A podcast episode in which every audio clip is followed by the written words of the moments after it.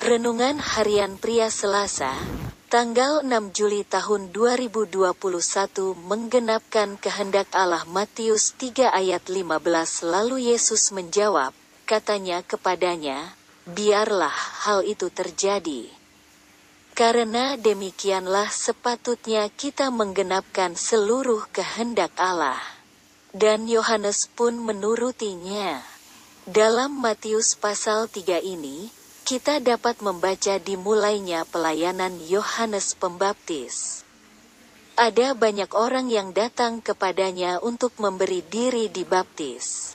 Yesus juga datang kepada Yohanes Pembaptis untuk memberi diri dibaptis. Akan tetapi karena Yohanes Pembaptis mengetahui siapa Yesus yang sebenarnya, ia tidak mau membaptis Yesus, bahkan ia merasa perlu dibaptis oleh Yesus.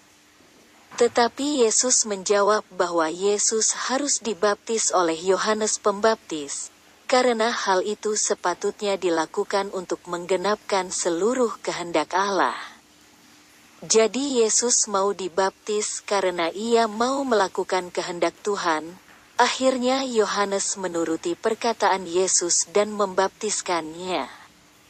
Yesus mengajarkan suatu kebenaran kepada Yohanes Pembaptis bahwa sepatutnya mereka hidup melakukan kehendak Tuhan.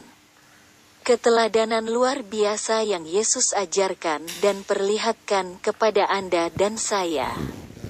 Yesus yang jauh lebih tinggi dari Yohanes Pembaptis, mau menyerahkan dirinya untuk dibaptis oleh Yohanes Pembaptis.